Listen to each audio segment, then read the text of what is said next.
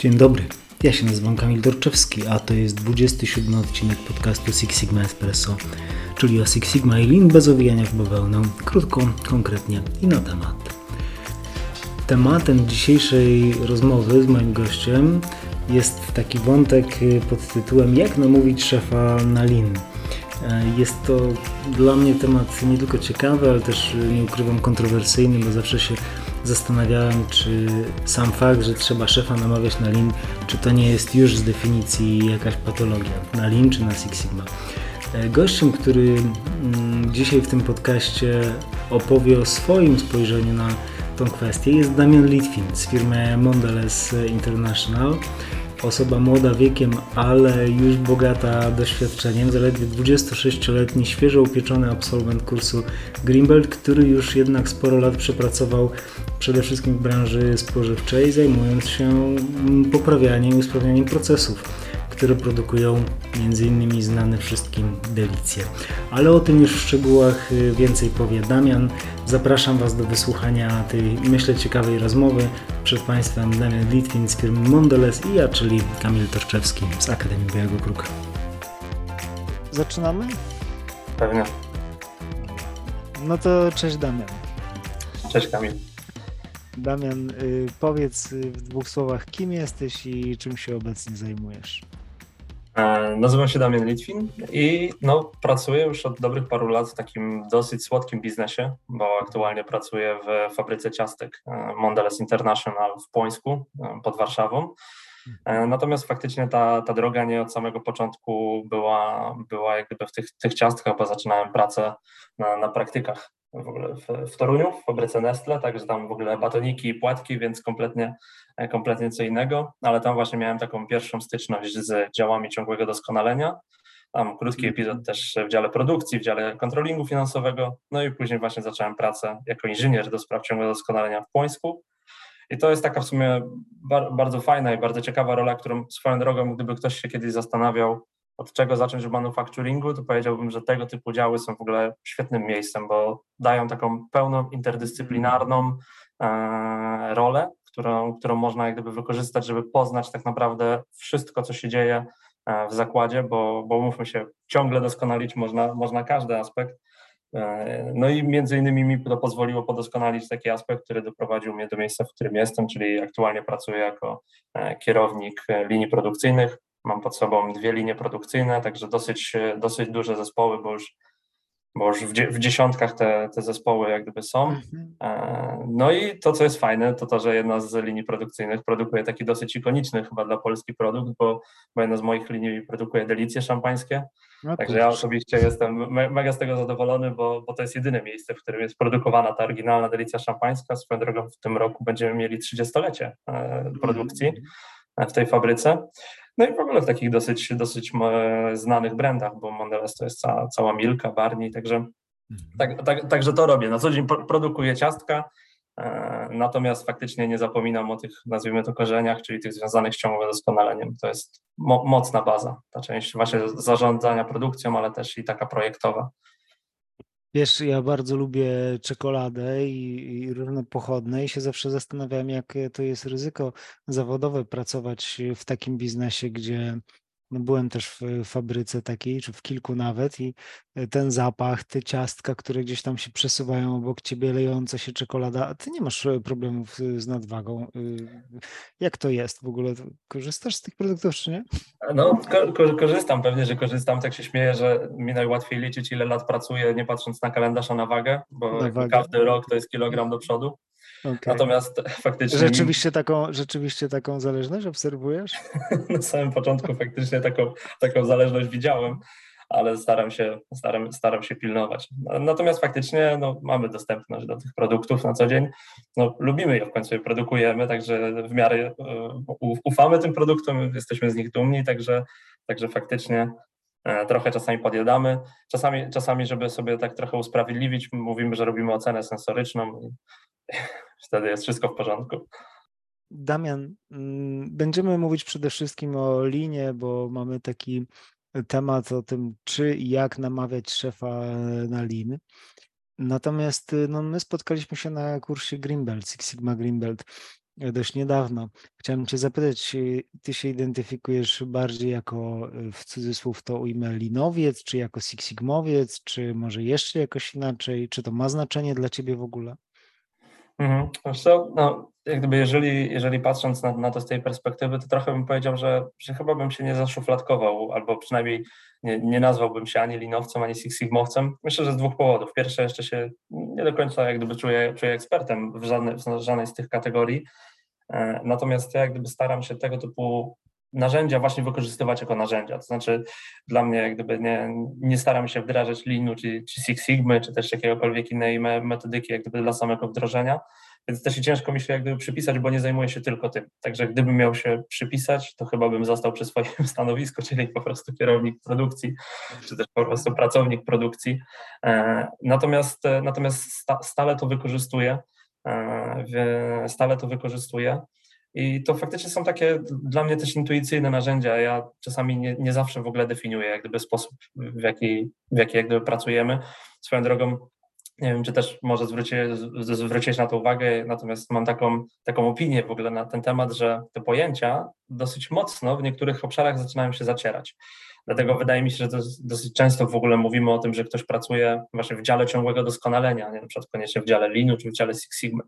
E, gdzieś tam, więc e, nawet program, który jest wdrażany w Mondelezie, nazywa się Integrated Lean Six Sigma, czyli tak dosyć, e, dosyć mocno sugeruje, że będziemy mieli związek z Leanem i Six Sigma.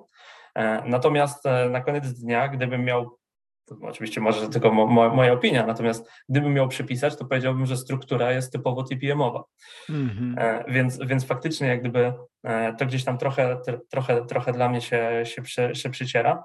Natomiast gdybym z tych trzech rzeczy miał się przypisać, to chyba faktycznie najbliżej by mi było do TPM-owca na dzisiaj, tak w ogóle. Okay. E, ja zresztą e, sam jestem też, e, no mam tą przyjemność, żeby od kilku miesięcy być również liderem filaru autonomicznego utrzymania ruchu, hmm. czyli faktycznie gdzieś prowadzimy te procesy bardzo na bieżąco, związane właśnie z utrzymaniem ruchu, z TPM-em, natomiast nie widzę żadnej przeszkody, żeby te, te, te narzędzia wykorzystywać naprzemiennie, wtedy po prostu, kiedy E, kiedy jest taka, kiedy jest taka potrzeba. E, także, także mówię, jak najbardziej powiedział TPM-owcem albo wiem, ciągle doskonalącym, to, to tak bym może ewentualnie starał, e, stara, starał się przypisać. Chociaż nie Tak się zastanawiam, Damian, wiesz, na ile y, wszyscy, którzy nas słuchają, rozumieją, co to, kto to jest TPM-owiec. Sobie powiesz w dwóch słowach? TPM jak gdyby jest to taka jedna odnoga właśnie tej, tej pracy z ciągłym doskonaleniem, która e, bardzo mocno skupia się e, w swojej, w swojej idei na, na utrzymaniu ruchu i podnoszeniu tej efektywności z zakresu utrzymania ruchu. Natomiast, żeby też tego nie, nie, nie mylić, to nie chodzi tylko o maszyny. Jak gdyby to, te, te maszyny i ta, ta efektywność e, produkcyjna jest jak gdyby już efektem wynikowym i jak gdyby sama struktura TPM-u i wdrożenie tej, tej doskonałości produkcyjnej e, zaczyna się właśnie, jest zbudowane na tak zwanych filarach. Te filary e, właśnie stanowią jak gdyby taki, to, to w jaki sposób będziemy pracować i te filary jak gdyby zajmują się delikatnie, e, są, mają cel na, na różne aspekty funkcjonowania mhm. organizacji czy też, czy, czy też samej produkcji. Także w ogóle TPM to taki mocno produkcyjny, bym powiedział, jest narzędzie. Natomiast mówię, ona się nie skupia tylko na maszynach i to zresztą widać po tym, że takim powiedziałbym e, jednym z filarów właśnie, e, mocnym filarów e, całego TPM-u jest właśnie filar autonomicznego utrzymania ruchu, czyli to jest, to jest etap, w którym my skupiamy się na bardzo mocnym rozwoju pracowników, operatorów, po to, żeby oni właśnie mogli autonomicznie, w sposób autonomiczny E, utrzymywać, e, utrzymywać produkcję, czyli bardzo mocno stawiamy na ten, na ten aspekt właśnie też, e, też mhm. rozwojowy i organizacyjny.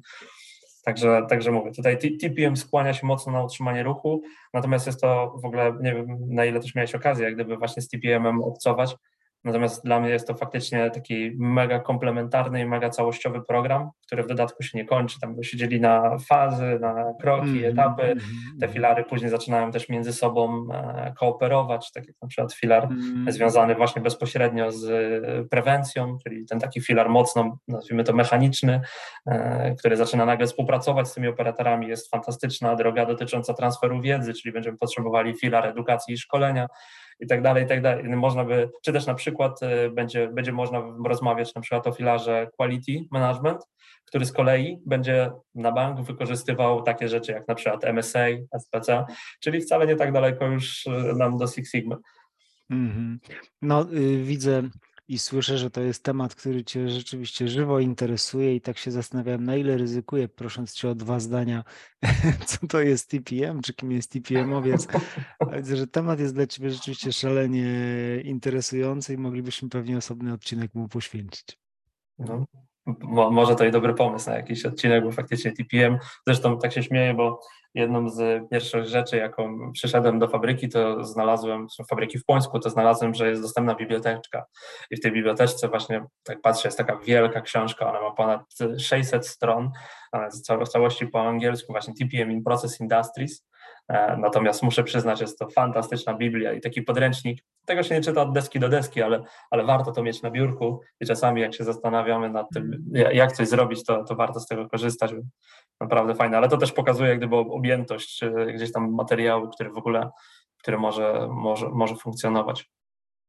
No to y, myślę, że zamieścimy link do tej książki przy opisie podcastu. Mm, jak słyszę, to jest bardzo silna rekomendacja od Ciebie dla tych y, słuchaczy, którzy się TPM interesują. Zdecydowanie tak. No dobrze.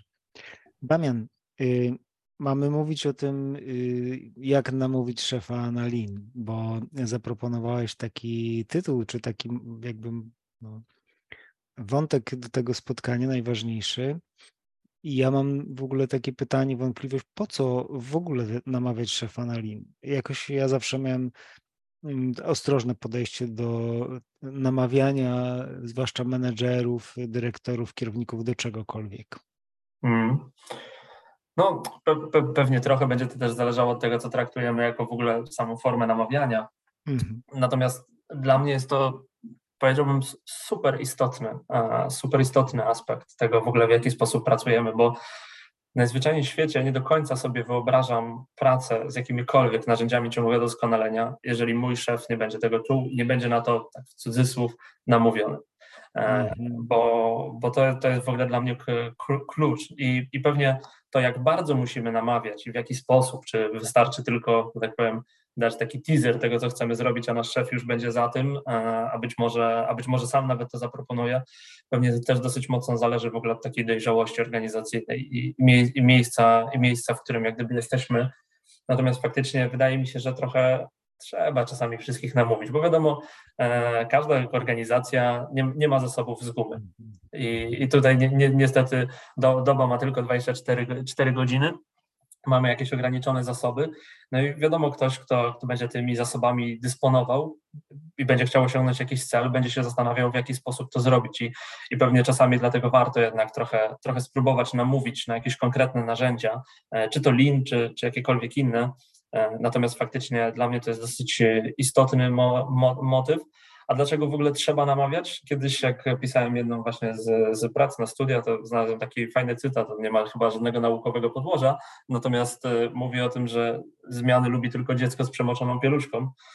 Więc, więc, e, więc, więc to tak dosyć, dosyć myślę dobrze obrazuje też to, że trzeba czasami trochę ponamawiać, trzeba czasami trochę pokazać, dlaczego chcemy to robić, mhm. co nam to po prostu przyniesie, po to, żeby być gdzieś tam na tej samej stronie. Zresztą tak sobie, tak sobie myślę, że ta część powiedzmy namawiania jest też dosyć mocno widoczna w, właśnie w samym w ogóle demake'u, no bo przecież cała faza define jakby skupia się mocno na tym, żeby pokazać, co, co będziemy chcieli osiągnąć, e, co będziemy chcieli osiągnąć, jakie będziemy chcieli osiągnąć rezultaty, w jakim harmonogramie, z jakim zespołem, po to, by na sam koniec dostać aprobatę w, podpisu, w postaci podpisu e, kontraktu przez sponsora. Więc ja, ja to też tak traktuję tą, tą w ogóle całą formę przygotowania jako taką część trochę, słuchaj, chcemy to zrobić dokładnie w ten sposób. No i teraz pytanie, czy, czy ty jesteś z nami i czy my jesteśmy na tej samej stronie?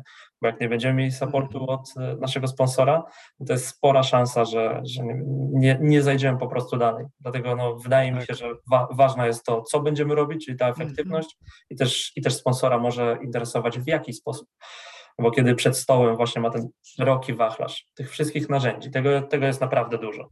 i teraz się wpisze ciągłe doskonalenie i będzie masa artykułów, czy to właśnie Lean, czy Six Sigma, czy też już Agile coraz bardziej mm. też się, coraz bardziej, no już teraz w zasadzie też można powiedzieć, że jest od lat filarem i jest, jest znaczącą częścią w ogóle tych, tych wszystkich systemów, no to on, on też musi w jakiś sposób to wybrać. Teraz jeżeli my jako specjaliści czujemy, czujemy że, że jakaś nasza propozycja to jest właśnie ta, no to powinniśmy pokazać i udowodnić, dlaczego, dlaczego twierdzimy tak, a nie inaczej. Powiedziałeś y, o, o dojrzałości organizacji. Chciałem się Ciebie zapytać, czy zgodzisz się z taką tezą, że mm, to, kto kogo namawia, to trochę jest właśnie o dojrzałości organizacji, że w dojrzałej organizacji, no to przede wszystkim y, szefowie, dyrektor, czempion, sponsorzy będą myśleć o tym, jak ciebie namówić jako lidera, czy jak ciebie zaangażować. W takiej powiedzmy mniej dojrzałej organizacji to często liderzy, którzy mają kompetencje, no myślą o tym, jak ponamawiać sponsorów i dyrektorów. E, zgadzasz się z takim rozumieniem tego zjawiska? Myślę, że po części tak, chociaż mhm. ja trochę tak, gdyby, gdybym miał ewolu, ewoluować i tak pójść jeszcze krok dalej, to bym powiedział, że dla mnie jak gdyby ta, ta organizacja będzie dojrzała, w której e, to zarówno i ta, i, ta nazwijmy to góra, czyli ta, ta, ten mhm. szef jak gdyby e, kierow, kierowniczy i ten szef, i ten też e, pion na dole, oboje będą trochę się nawzajem na, na, na to namawiali, bo okay. tak jak mówiłem trochę o tym TPM-ie i mówiłem o tym autonomicznym utrzymaniu ruchu, no właśnie autonomicznym i czasami mieliśmy taką dyskusję, co to znaczy autonomiczny i często, i często gdzieś tam, bo, bo autonomia jest w sumie uważana za, za tą taką właśnie już etap, w którym organizacja jest naprawdę dojrzała. Jeżeli mamy te autonomiczne zespoły, e, to, to faktycznie już dosyć, o dosyć dojrzałej organizacji rozmawiamy, to dla mnie autonomiczny często, często gdzieś tam odpowiedź na linii, powiedzmy, była, że autonomiczny znaczy samodzielny. Okej, okay, to, to jest część prawdy, natomiast dla mnie autonomia będzie wtedy, kiedy oprócz tego, że jakby samodzielnie wykonamy zadanie, to jeszcze sami trochę wpadniemy na pomysł, że to zadanie trzeba wykonać. Więc, więc i tu moim zdaniem trochę niezależnie od poziomu. Nie? A, a pewnie to namawianie będzie już bardziej na dyskusji, w jaki sposób chcemy to zrobić. No właśnie. Y, no to ja to rozumiem tak, że w naszym takim rzeczywistym świecie, zostawiając różne ideały na boku, no to rzeczywistość jest taka, że się potrzebujemy trochę ponamawiać i, i w górę, i w dół, i to jest jak najbardziej w porządku, jest wręcz y, potrzebne, niezbędne może czasem. E, no to Damian, jak to robić? Jakie ty masz doświadczenia? Pisałeś pracę na ten temat. Tak, Pisa, pisałem pracę, pis, pisałem faktycznie pracę, pracę magisterską na ten temat, bo też od razu powiem, gdyby ktoś przez przypadek mojej pracy słuchał, ja nie muszę specjalnie namawiać moich szefów na, na, na, na pracę z tymi narzędziami i, i całe szczęście. Myślę, że jesteśmy na etapie, w którym nawzajem się trochę na to, na, na to namawiamy. Mhm. E, natomiast e, wydawało mi się to, to ważnym pytaniem, gdyby w jaki sposób namawiać, dlaczego w ogóle podszedłem do tego tematu, to wynikało trochę z tego, że może nie tyle, co czułem problem z namawianiem, co czasami problem z tym, żeby zdefiniować, e, ok, to co nam to przyniesie i jak to w zasadzie trochę zdefiniować. I, I, po to, żeby móc się zastanowić, e, czy, czy w ogóle warto, czy w ogóle warto namawiać, czy w ogóle warto do tego podchodzić. I no, niestety nie ma jakby jednozdaniowej odpowiedzi e, na, na ten temat, może i dobrze dla długości podcastu. E, natomiast e, trochę, trochę gdzieś tam sprawdzając literaturę, trochę podchodząc do, bo miałem okazję, tak stwierdziłem, że podejdę do wywiadów, a nie do, a nie do ankiety, czyli gdzieś tam sprawdzałem opinie na ten temat, w jaki w ogóle sposób do tego podchodzić wśród specjalistów właśnie w branży produkcyjnej. I, i trochę z tego wyszły takie trochę więcej pytań niż odpowiedzi, ale myślę, że, że właśnie te, te pytania są takim, takim dobrym guidebookiem dla, dla każdego menadżera, czy, czy dla kogokolwiek, kto w ogóle chciałby zacząć z tym, z tym przygodę. Więc wydaje mi się, że są takie pierwsze trzy pytania, które z pewnością sobie należy, na, należy zadać, jeżeli mówimy o tym, żeby kogokolwiek w ogóle namówić i czy chcemy w ogóle kogokolwiek na to namawiać. I dla mnie jednym z pierwszych jest e, właśnie to, żeby zdefiniować, czym w ogóle jest dla nas ciągłe doskonalenie.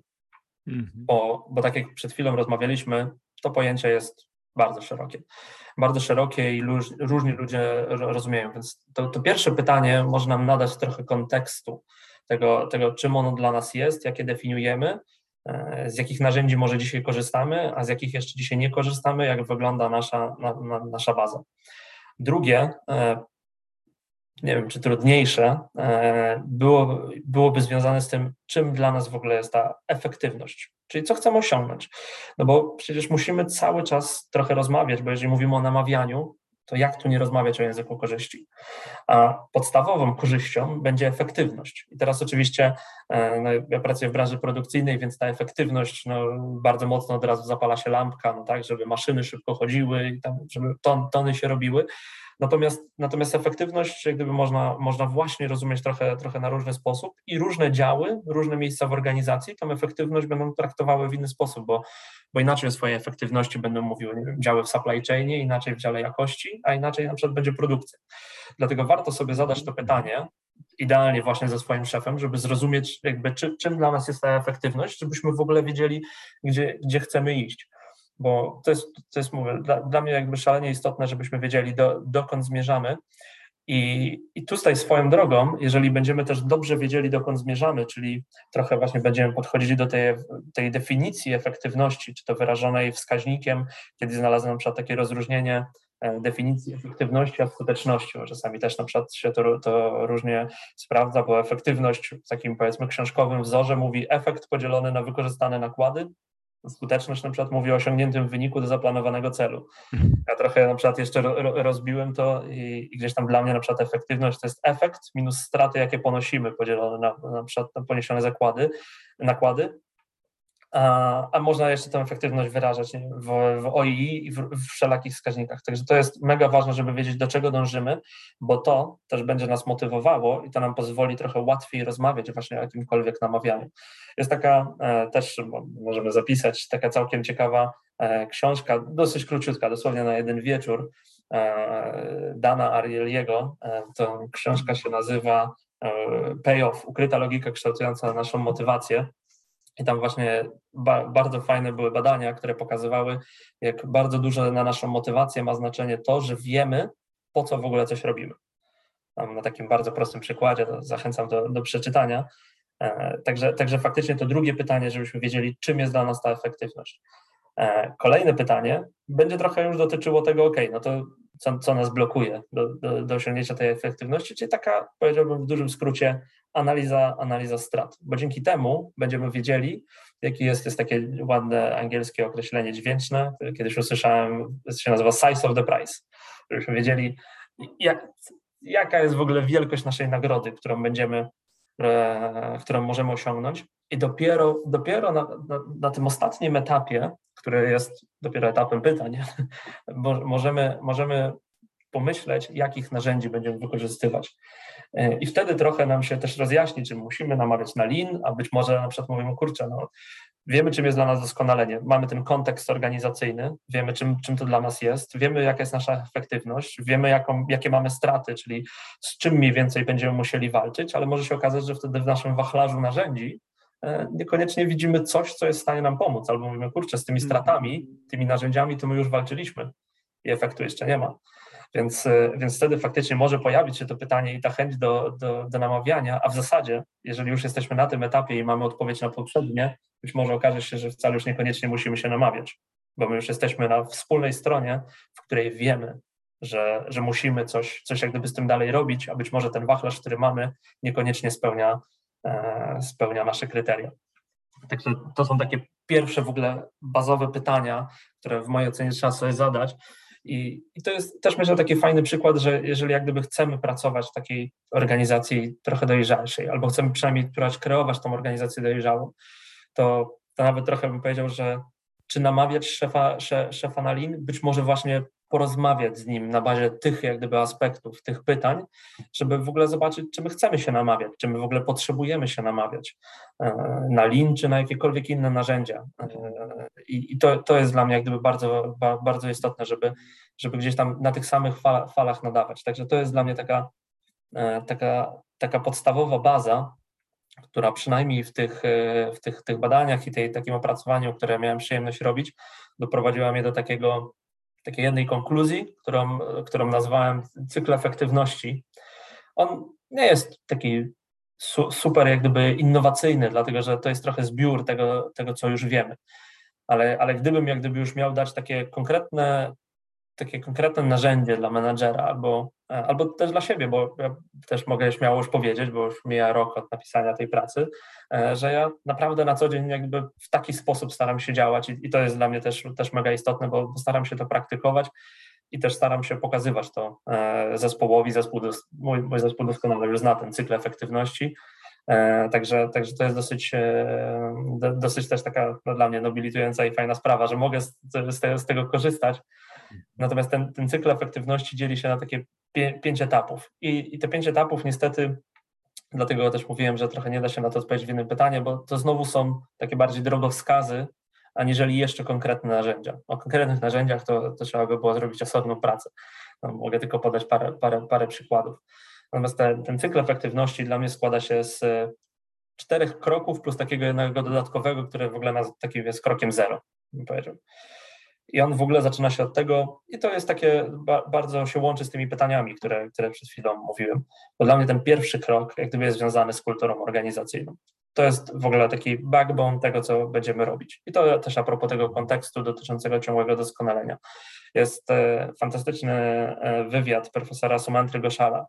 E, mówił o czymś takim, co się nazywa smell of the place to już niestety jest nieży, nieżyjący profesor, natomiast on mówił ba, bardzo ważną rzecz, że ten, ten zapach tego miejsca, w którym jesteśmy, on będzie, on będzie nam mówił to, w jaki sposób będziemy pracować. I e, to coś w tym jest, że, że faktycznie są takie miejsca, nawet teraz pra, pracując w fabryce w Pońsku, no miałem okazję na przykład być w paru fabrykach I, i było parę fabryk, do których na przykład przyszedłem i mówię, fajna fabryka, pierwsze pięć minut, chciałbym tu pracować, a czasami jest na przykład takie, w których się wchodzi niby jest czysto, niby fajnie, niby wszystko w porządku, ale, ale coś, coś powoduje, ten właśnie ten taki ten smell of the place, że, że nie do końca e, jak gdyby czujemy się tam, e, się tam w porządku.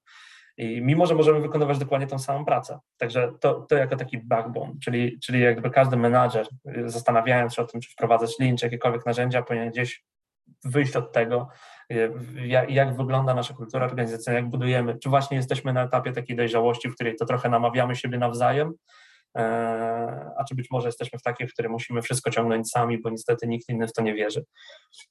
Później idziemy po, po już takie mocno jak gdyby te techniczne aspekty, jak identyfikacja strat, czyli właśnie to, żeby wiedzieć, gdzie jesteśmy, jak to, żeby sobie spriorytetyzować te straty, po to, żeby później wybrać dopiero metodę działania i dopiero na samym końcu, w końcu działać, czyli już wybrać to narzędzie. Mhm. Więc to są takie podstawowe etapy i to, na co mocno zwracam uwagę, zarówno w tych pierwszych pytaniach, zarówno w tym cyklu efektywności, jak i na przykład też teraz mieliśmy taką refleksję wraz z zespołem a propos w ogóle projektu DMake, czy jakichkolwiek e, metodologii prowadzenia projektów. Okazuje się, że działanie jest naprawdę, naprawdę jednym z ostatnich etapów że właśnie ten, ten kontekst organizacyjny, to w jaki sposób pracujemy, ta identyfikacja strat, to zastanowienie się, ta analiza wspólna z zespołem, to już w jaki sposób wykonana, czy, czy, czy Six Sigma, czy, czy, czy po prostu wzięcie białej kartki i zrobienie murzy mózgów, to, to już jest e, jak gdyby osobna kwestia, może narzędzi.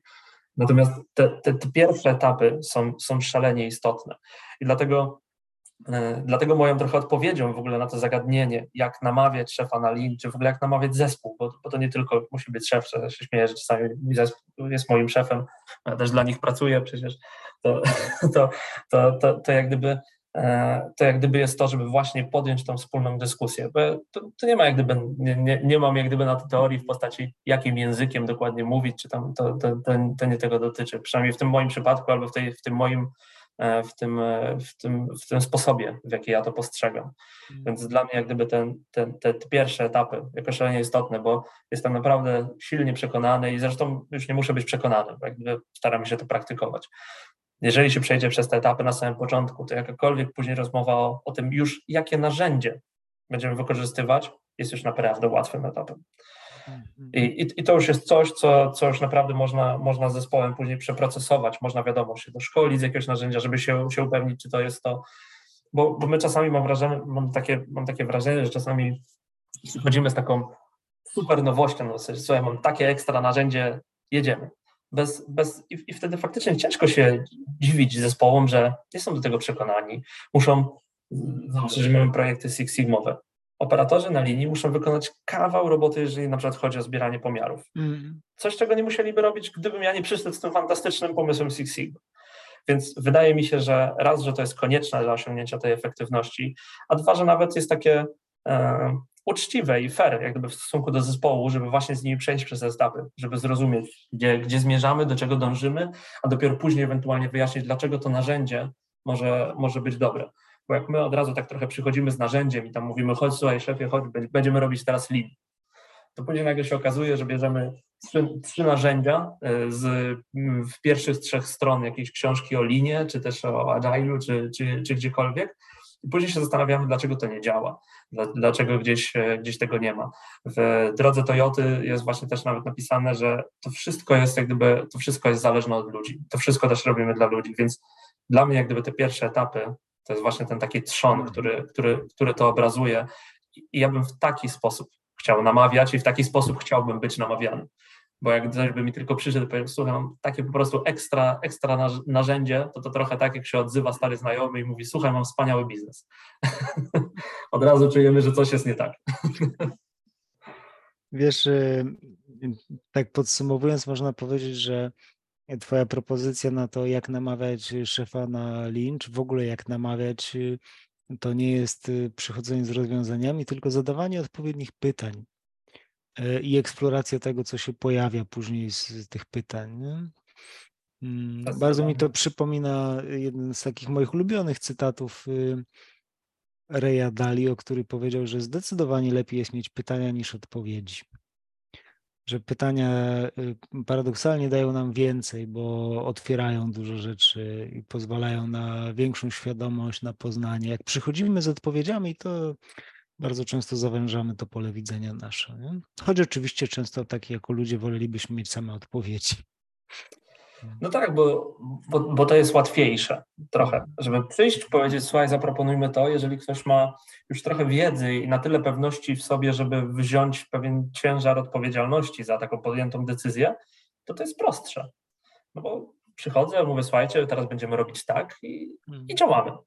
I, Natomiast pytanie, czy, czy do końca o to chodzi, czy to jest też takie trochę długoterminowe, długoterminowe podejście, bo wtedy jest to nawet takie najprostsze pytanie, jak gdyby e, gdzieś tam z, z wiedzy o zarządzaniu, czyli ok, a co, a co jeżeli mnie nie ma? Jestem tydzień na urlopie, zespół nie podejmuje decyzji. Mhm.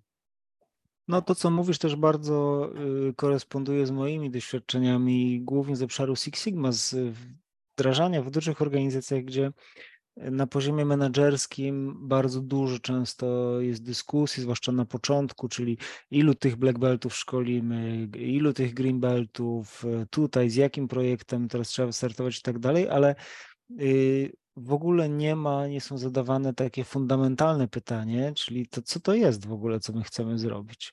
Co to jest to Six Sigma? Jak my to rozumiemy? Po co my to w ogóle chcemy zrobić? Nie? Co to znaczy, że, ch że chcemy być y, bardziej doskonałą organizacją? Jak to rozumiemy? Nikt w ogóle takich pytań nie zadaje. E, I zaczynamy właśnie od tego, czy lepsze jest rozwiązanie A, czy lepsze jest rozwiązanie B. Ja mam doświadczenie takie, że to prowadzi zawsze na manowce. No, to, to, to jest, jest tym sporo racji. Mnie taki się trochę, trochę przykład kojarzy, zresztą czasami nawet takie memy linowe są, są o tym, że mamy dużo strat, dużo problemów, e, muda wszędzie i tak dalej. Rozwiązanie 5S. To, to jest tak. taki, bo, bo przecież 5S jest linowy, no to trzeba to wdrażać. I, i żeby też, żebyś też e, do, do, dobrze mnie zrozumiał i słuchacze też mieli dobrze okazję mnie, mnie zrozumieć, jakby absolutnie nie, nie neguję stosowania 5S czy w ogóle jakichkolwiek, tylko neguję jakby stosowania czegokolwiek bez trochę ówczesnego zastanowienia się, e, w jaki sposób to chcemy robić.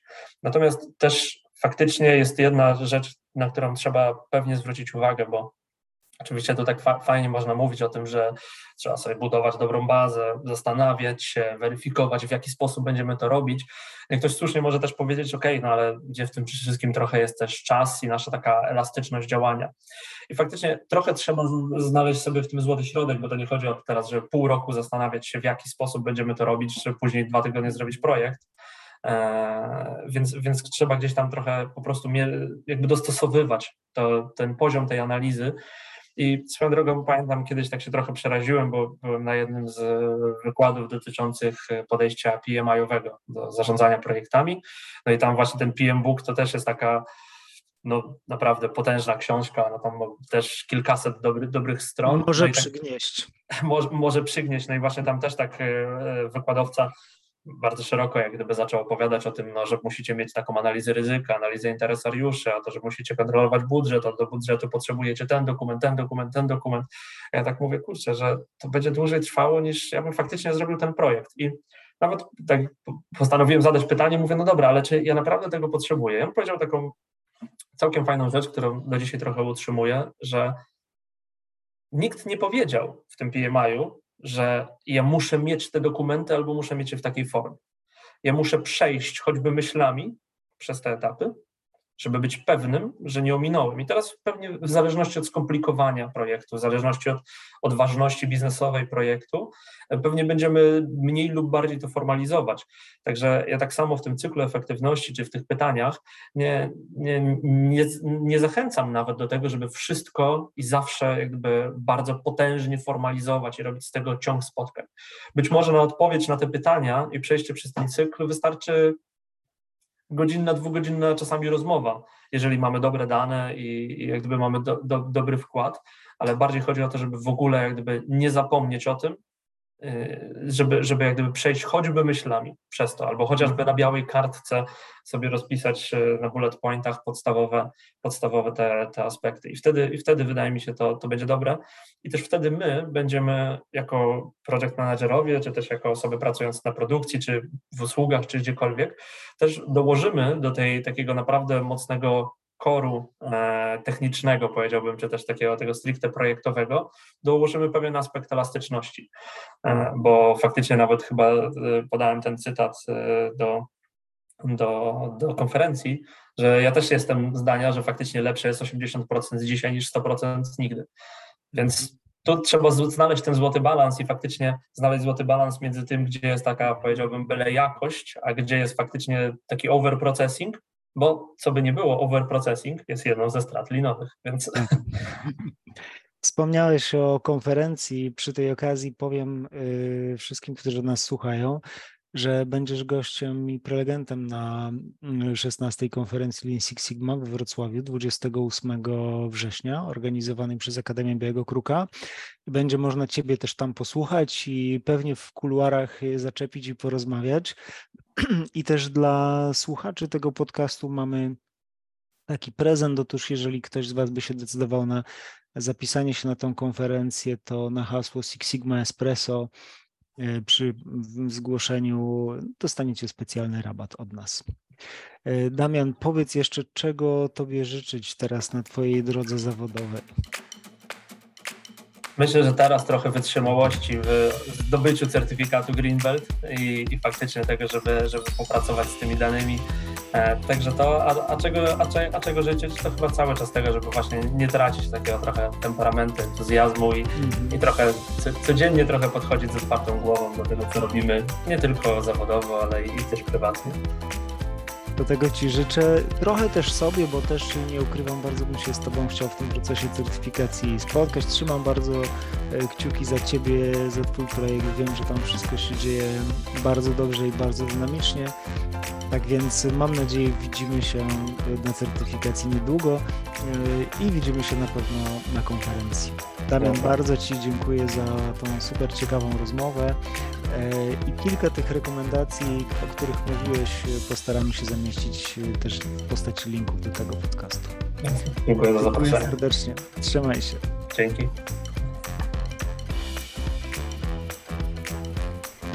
To będzie dyskusja.